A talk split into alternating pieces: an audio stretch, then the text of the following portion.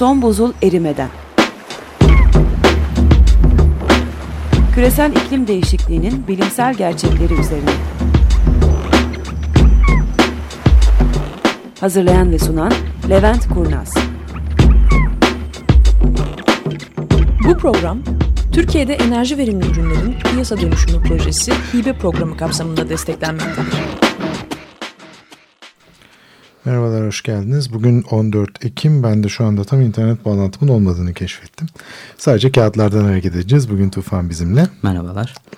Ben başlayayım evet, Başla lütfen. Yok. ben de önümü düzelteyim şu sıra. Klasik her program öncesi okuduğumuz metni tekrar okuyacağım. Bu program Küresel Çevre Fonu'nun finansal desteğiyle Enerji ve Tabi Kaynaklar Bakanlığı Yenilenebilir Enerji Genel Müdürlüğü tarafından Birleşmiş Milletler Kalkınma Programı ile birlikte yürütülen Türkiye'de enerji verimli ürünlerin piyasa dönüşümü projesi hibe programı kapsamında desteklenmektedir. Bu yapımın içeriğinden Levent Kurnaz sorumludur ve hiçbir şekilde tarafların görüşlerini yansıtmamaktadır. E, metinde de belirttiğimiz gibi bu proje kapsamında sponsorumuz bir son olarak biz projemizin kapanışına doğru bir konferans organize ediyoruz. Daha önce de sizlere bir hatırlatma yapmıştık programlarımızda. Artık kesinleşti programımız. Onunla ilgili bir duyuru yapmak istiyorum. 25-26 Ekim e, Cumartesi ve Pazar günleri iki gün şeklinde olacak. E, iklim değişikliği ve enerji verimliliği konferansı aslında ilk günkü kısım Cumartesi günü olan kısım daha çok konferans şeklinde Pazar günü olacak kısımsa e, bir çalıştay şeklinde olacak. E, Cezayir toplantı salonunda olacak İstanbul'da Hayriye Caddesi 12 numaralı Galatasaray'da. Zaten çoğunuz biliyorsunuzdur sanırım İstanbul olanlar için olduk özellikle. E, duyurumuzu da zaten enerji ve iklim nokta org sitesinde bulabilirsiniz. Buradan özellikle kayıt yaptırırsanız e, bir sertifika da verilecek e, katılanlara. Bunu da duyurmak istedim. Kabaca şöyle bir programa bakacak olursak da cumartesi günü 1'de e, başlayacak. iki oturum şeklinde olması düşünülüyor, planlandı. Birinci oturumda daha çok sektörde enerji verimliliğine yönelik ARGE çalışmaları üzerine konuklarımız olacak ve bu konuda bir e, e, kısım oturum olacak. İşte konuklarımız Rıfat Öztaşkın, Mehmet Tüfekçi ve Bahriye Bayraklı gibi isimler olacak. Tabii ben orada nereden olduklarını çok söylemek istemiyorum reklama girmesin diye. İkinci oturumda enerji verimli ve iklim değişikliğinde neredeyiz? Gelecekle ilgili projeksiyonlar nelerdir? Bu konuda bir e, konuşma olacak. Bunlarda da e, hocamız Sayın Profesör Doktor Murat Türkeş özellikle iklim değişikliği açısından konuya değinecek. Bir diğer konumuz da Arif Kunar olacak. Pazar günde 1 ile 4 arasında bir çalıştay düzenleyeceğiz. Bu da enerji verimli ve iklim değişikliği farkındalığın artırılmasına yönelik ne çalışmalar olabilir? Bunu tartışacağız. Pazar günde 25-26 e, Ekim Cumartesi ve Pazar günleri sizleri Cezayir toplantı salonuna bekliyoruz diyorum. Ve sözü Levent Hocam size bırakayım. Tamam. Toparlandıysanız. Şimdi, e, yok ben daha toparlanmam zor. Şöyle bir şey var. Bu programı yapmaya ilk başladığımızda epey sene önceydi. 2009 muydu? 2008 evet, miydi? Öyle bir şeydi. O zaman böyle hani yarım saat ya ne konuşacağız biz şimdi falan gibi bir sıkıntılarımız vardı. Özellikle program hazırlamamız gerekiyordu. Ben epey ciddi ders çalışıyordum. Ondan sonra bu son 6 ayda değişik bir metoda geldik. Dedik ki biz sadece ortalıkta neler olup bittiğini 2 hafta içerisinde bunları konuşalım. Yalnız şu anda ortalıkta neler olup bittiği yani öyle yetmiyor. büyük bir yığın haline geldik iklim konusunda vakit yetmez oldu. Yani biz mi fazla bu işin içerisine girip olan bitenin hepsini çok derinlemesine önümüze alıyoruz. Yoksa gerçekten çok şey mi olup bitiyor ama sanıyorum biraz çok şey olup bitmeye başladı dünyada. Ee, bir kez daha programa başlamadan önce birkaç saat öncesinde hatta ben e, bu programda konuşacağımız ve vakit bulamayacağımız her şeyi Son Buzul adresinden Twitter'da yayınlıyorum. E, yani takip edecek olursanız bu iki haftada bir evet. programdan önce elinize geçiyor bunların hepsi. E, konuştuğumuz, konuşmadığımız ne geride kalıyorsa. Şimdi e, birkaç tane haberle başlayacağız. Mesela bir tanesi ilginç bir şekilde pirinç rekolte düşük fiyat artışı ha pirinç T rekolte düşük fiyat artışı kapıda. Bu taze haber. Evet bu gayet taze haber. Sanıyorum bu dünkü yani taze de hani yani. E, dünkü haber. Ee, Ha marka veremeyeceğiz tabii. Evet. Nokta nokta nokta pirinç yönetim kurulu başkanı Mehmet Erdoğan İpsala'daki çeltik hasadının 29 Eylül'de başladığını belirtirken hasadın Ekim, Ekim sonuna kadar sürmesini beklediklerini dire getirdi. İlk alınan ürünlere bakarak bir değerlendirme yapan Erdoğan geç ekim geç ekim ve uygunsuz hava koşulları nedeniyle tarla veriminin düşük kaldığını söyledi. Bu yıl ekilen arazide de %10'luk bir daralma olduğuna dikkat çeken Erdoğan, dolayısıyla toplam olarak bu yılki rekoltenin geçen yıldan %20 civarında noksan olmasını bekliyoruz dedi. Az buz bir şey Orada değil hocam yani. şey %10'luk arazi kullanımının azalması şeyden mi yani? Başkalar ne bileyim hadi. Şimdi şöyle bunu düşünmek gerekiyor yani %10 niye daralma oluyor? Çünkü büyük ihtimalle yeterli derecede su yok. Yeterli derecede su olmadığı için %10 daralıp o alanda başka bir şey ekiliyor. Yani, Verim, yani acaba şey de hani. Edirne bölgesi falan olunca hani belki yeni inşaat çalışmalarıyla falan da alakası olabiliyor mu hani o tarz Ya şeyler o- ama arazi Az buz değil bu yüzde on yani o kadar inşaat yapıldığını sanmıyorum. Yalnız içinde çok güzel bir şekilde e, konuşmanın altlarında diyor ki iklim değişikliği nedeniyle de hasatta beklediğimiz verimi alamayacağımızı zannediyoruz. Gittikçe tarımda bu iklim değişikliği nedeniyle laflarının ortaya çıkıyor olması esasında bizim de uzun süreden beri vermeye çalıştığımız mesajın bir takım insanlar tarafından artık doğal bir parça olarak yani iklim değişikliği doğal bir şey değil ama en azından artık var olduğunu içselleştirerek konuşmaları anlamına geliyor ki bu da sanıyorum güzel bir şey oluyor bizim açımızdan. Çünkü ne kadar e, bilinçlenirsek, ne kadar problemin farkında olursak çözüm için o kadar hızlı adımlar atabiliriz. E, çözüm konusunda hızlı adımlar atacak olan bir başka kuruluşta Pentagon. E, Climate Central'dan Pentagon diyor ki iklim değişikliği acil riskler ortaya koyuyormuş. Ve bunun içinde Amerikan e, interest ilgilerini e, dünyada korumak için iklim değişikliğini sadece askeri hedeflere yönelik bir şey olarak değil, Evet, bütün temel. Amerikan e, riskleri olarak ele almamız gerekiyor bütün dünyada diyerek Pentagon'da bu işe savunmuş durumda. Yaşasın ne kadar yani güzel. 2012 raporu yapmışlar bir de güncellemişler falan da onların Evet. tabii çalışmaları çok daha öncesine dayanıyor bu raporların askeri kanat açısından. Şimdi Raporları. şöyle bir şey var ben sen var mıydın Hangisi? dün derste anlatıyordum. Geç geldim bilmiyorum hangisi. O Çad Evet. Ha, şimdi şöyle bir şey var. Bir, aklınızda olsun ben Boğaziçi Üniversitesi'nde bir de iklim dersi veriyorum bu dönem. Yani vakti olan herkesi bekleriz. Hani uğrayıp gelebilirsiniz. Evet. Yani çat kapı dışarıdan dinlemeye gelenler de oluyor arada. Ee, o derste şeyi konuşuyorduk. Bu ben bir ara şeye merak sarmıştım. Kitap yazmaya. 2054 gerisine girmeyeyim isminin kitabın. Ee, bugünle 2054 yılı arasında iklim riskleri açısından neler bekliyor dünyayı. Ama bunları hani sanki olaylar olmuş gibi küçük gazete küpürleri gibi duyuruyorduk.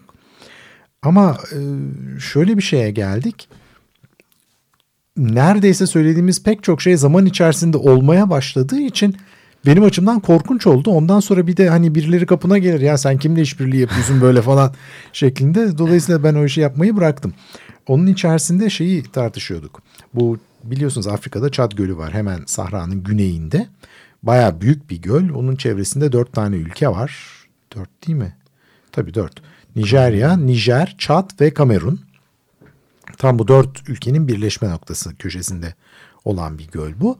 Ve oradaki su miktarı gittikçe azalıyor. Yani bizim işte Tuz Gölü nasıl küçülüyorsa diğer bildiğimiz pek çok mesela şeyde Afyon Akarçay Havzası'nda Ama Eber Gölü. Bunda şey de var oluyor. değil mi? Hani Aral Gölü'nde olduğu gibi hani kullanıma bağlı bazı E tabii ama şimdi şöyle Aral Gölü'ndeki problem kişilerin kendi kullanımlarının üstüne bir de burada bizim pamuk üretmemiz lazım diyerek bilinçli bir devlet politikasıyla o suyun çekilmesi.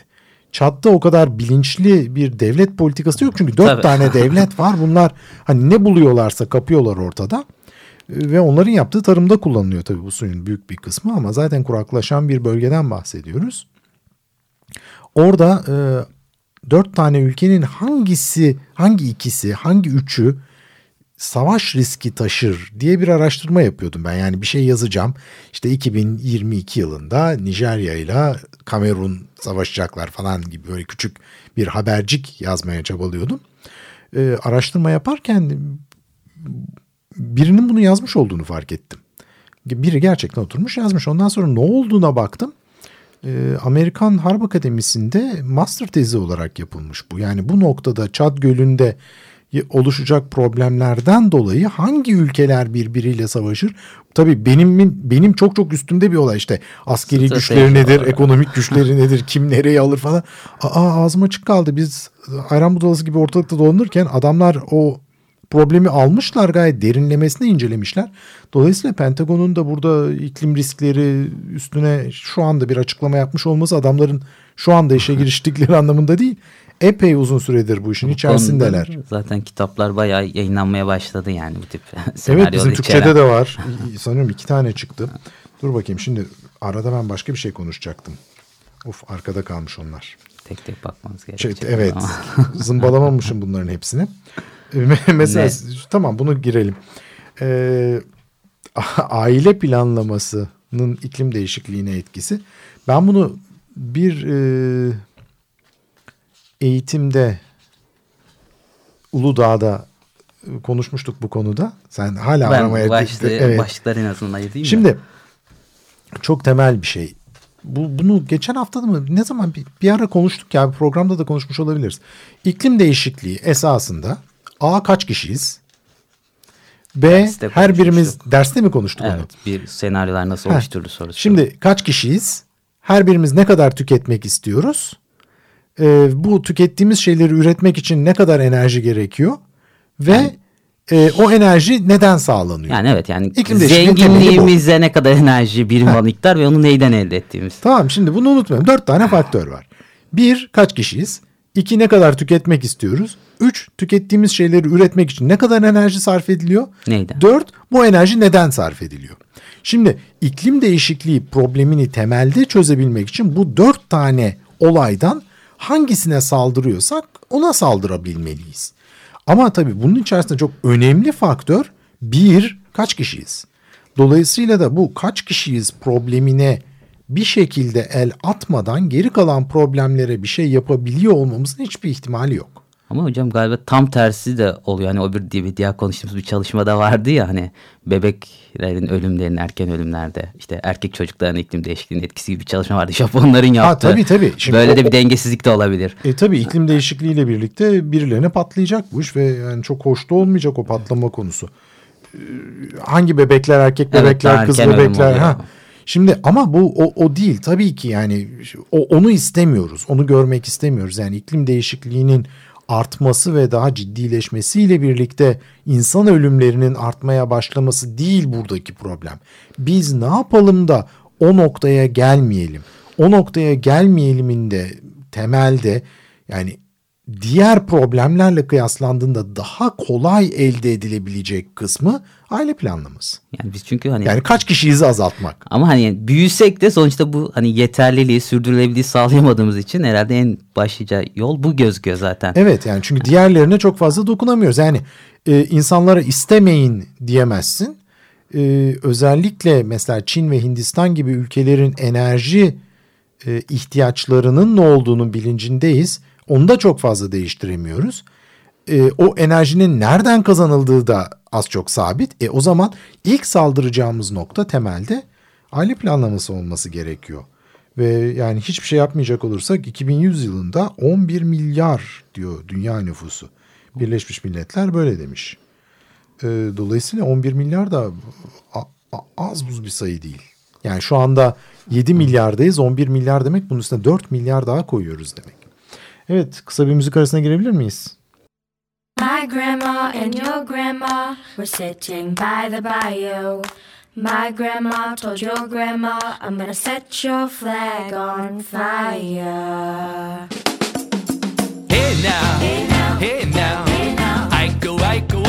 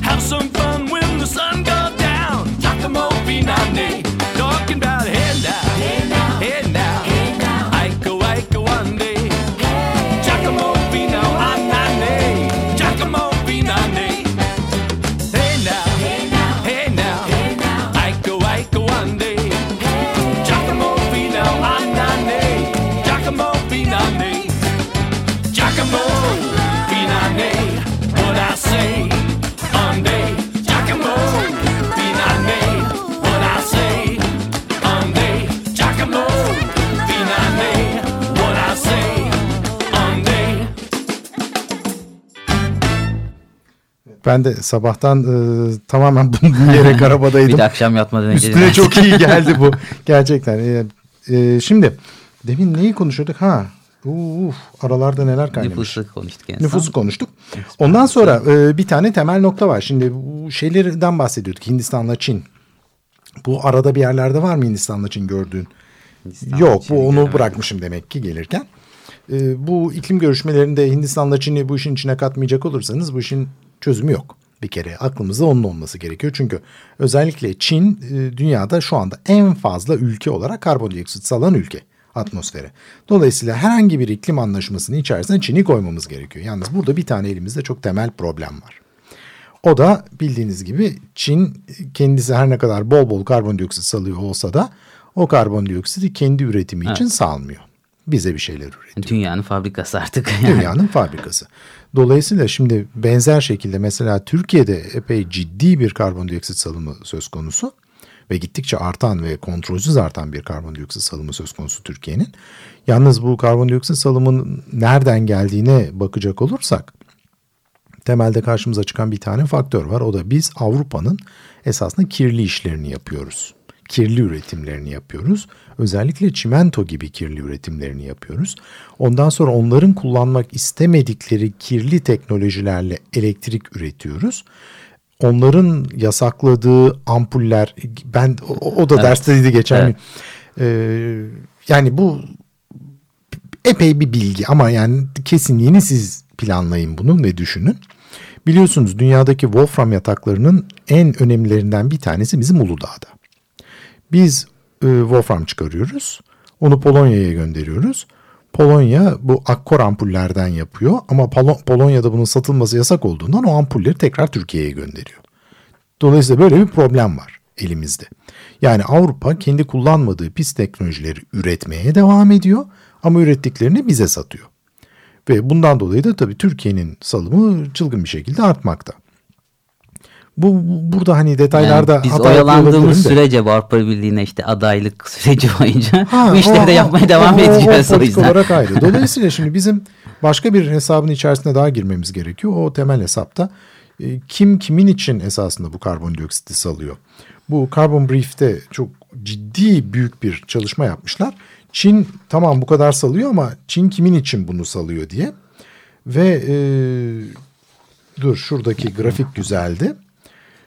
Çin'in saldığı e, Zaten hani 2.21 e, megaton 2207 megaton karbondioksitin 512'si Amerika'ya yani o çok doğal. ürün üretmek için. Yani şimdi şöyle bu, Yani bu, direkt- bu, bu hesaba bakın. Şimdi Ya bu kadar. 2207 megaton karbondioksit salıyor. Bunu 502 512'si Amerika için. 228'i Hong Kong için ama belki Çin'de sayılır. Burada griyim. 220'si Japonya için, 95'i Almanya için, 90'ı e, Birleşik Krallık İngiltere için, 84'ü Güney Kore için, 63'ü Hindistan için falan filan. Ama bir de orada şey de var. vardır. Hani dolaylı satışlar falan tabii iştah karmaşık aslında Tabii belki. tabii tabii tabii. Dolayısıyla bakın burada e, işte Tufan biraz daha iyi biliyor o konuyu. Tufan'ın çalışma konularından bir tanesi o. Burada biz karbondioksit salımlarını hesaplarken şey üstünden gidemeyiz. Kim ne kadar karbondioksit saldı üstünden olmuyor bu iş. Esasında bu hesabı kim ne kadar tüketiyor üstünden yapmak zorundayız. Çünkü hani başta dedik ya kaç kişiyiz ne kadar tüketiyoruz. Şimdi ne kadar tüketiyoruz yani ne kadar üretiyoruz üstünden olmaz bu hesap. Ne kadar tüketiyoruz üstünden olur. Çünkü sen Çin'de, Hindistan'da mesela Amerika'da biliyorsunuz Amerika Birleşik Devletleri'nde e, çağrı merkezleri artık kapanmaya başladı. Bütün çağrı merkezlerini Hindistan'a devrettiler. Dolayısıyla Hindistan'da bu işi üretiyorsun sen. Amerika'da sadece kullanıyorsun. E, o çağrı merkezinden yani çağrı merkezinden ne karbondioksit salınacak demeyin. O ciddi bir salıma karşılık geliyor onların çoğu çünkü o da bir üretim şeklidir. Bu olduğu zaman e, o Amerika'ya değil Hindistan'a sayılıyor. Ama iş kimin için yapılıyor? Amerikalılar için yapılıyor. Hizmet almak, satmak ve böyle dolaylı yandan arka Evet. planda Şimdi aslında. bunların hepsini hesaba katmamız gerekiyor. Şimdi e, bi- bitirmeden önce önümüzde korkunç sayıda haber var. Yani daha üçte birini falan geçebildik bunları. Kaliforniya yani Amerika'nın batı kıyısı inanılmaz bir kuraklık altında ve bu kuraklıkta dördüncü seneye girdiler. Artık hani özgür Amerika'da bile çok ciddi şeyler yasaklanmaya başlandı. O, bunların içerisinde de şey çok azaldı. Hidroelektrik üretimi. Orada çünkü dev barajlar var Amerika'da. Ee, bu şeyin Las Vegas'ın biraz güneyinde Hoover barajı var mesela. Yani filmlerde şeyde vardır o. Ee, neydi o film? Transformers. Hmm.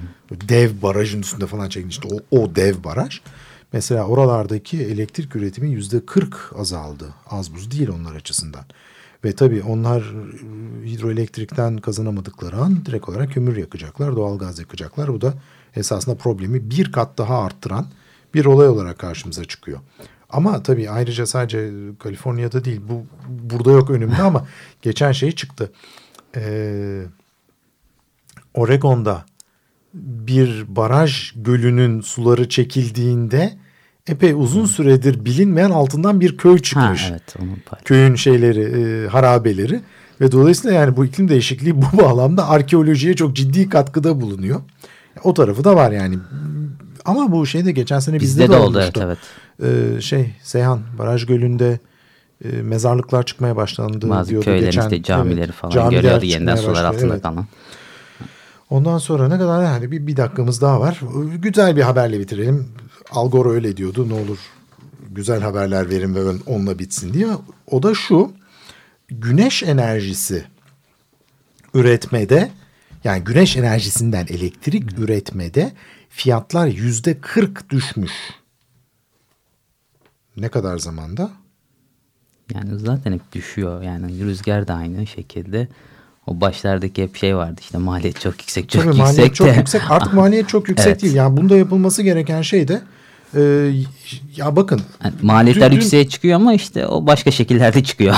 dün başka bir e, anlaşmazlığa uğradık. Bir, bir takım insanlarla garip bir konuşmaya girdik. Bunun temeli şu. Şimdi biliyorsunuz biz şeyi konuşmuştuk birkaç program önce e, bu A++ buzdolaplarını A++ buzdolapları ile değiştirecek olsak şimdi bu şu demek değil unutmayın. Ya sizin evde çalışan bir tane A++ buzdolabınız var. Bunu atın yerine A++ buzdolabı alın demek değil. Yanlış anlamayın bunu. Zaten evdeki bozuldu ve evdekini çöpe atacaksınız. Ne olursa olsun onun e, enerji verimliliği bozuldu atacaksınız. Ya da yeni evlisiniz yeni buzdolabı alacaksınız. Yeni bir ev aldınız yeni bir buzdolabı alıyorsunuz. İhtiyaç yani kesin almanız gerekiyor. O zaman tercihinizi A plus yerine A plus plus plus'tan yana kullanacak olursanız enerji tasarrufu. Şimdi bu da bütün e, sizin enerji sistemlerinizi çöpe atın, yeni baştan kurun değil. Yeni bir sistem kuruyorsunuz. Yani dev binalar yapıyoruz, e, AVM'ler yapıyoruz. Bunun çatısını, yüzeylerini güneş enerji sistemleriyle kaplayın yaparken. Ondan bahsediyoruz burada elimizden geldiğince. Diyerek bu programda da bitirip iki hafta sonra görüşmek Görüşürüz. üzere diyoruz. Hoşçakalın.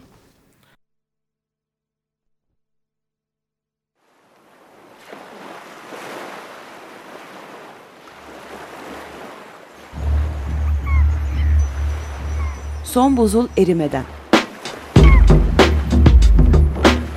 Küresel iklim değişikliğinin bilimsel gerçekleri üzerine.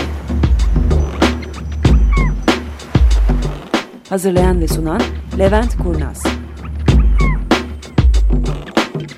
Bu program Türkiye'de enerji verimli ürünlerin piyasa dönüşümü projesi hibe programı kapsamında desteklenmektedir. Desteği için Açık Radyo dinleyicisi Daniel Barslov Magrav'a teşekkür ederiz. Açık Radyo. Şimdi ve Radyo. burada.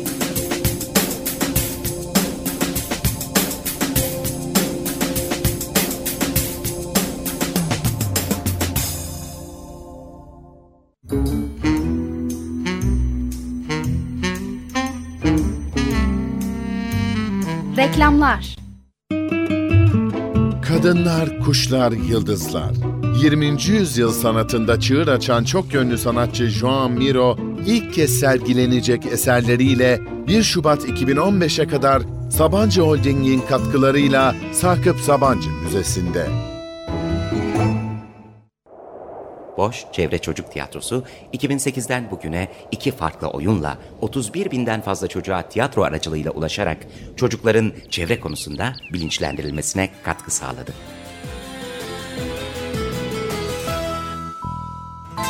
Boş, yaşam için teknoloji. Salonda yeni sezon 10 Ekim'de başlıyor. Future Islands, Suns, Marisa Nadler, Red Snapper, Kairos Quartet, Jam Festival, İnce Saz ve daha fazlası için biletler Biletix ve İKSV'de. salonikasv.com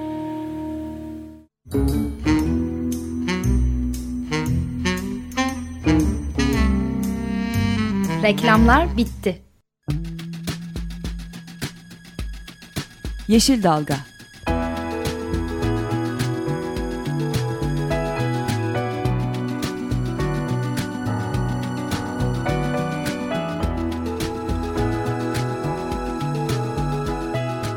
Perşembe günleri 11'de Açık Radyo'da.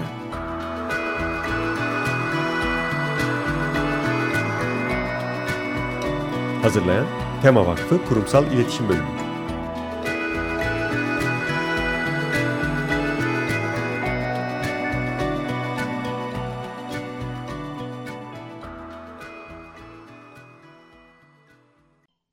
Açık Radyo program destekçisi olun. Bir veya daha fazla programa destek olmak için 212 alan koduyla 343 41 41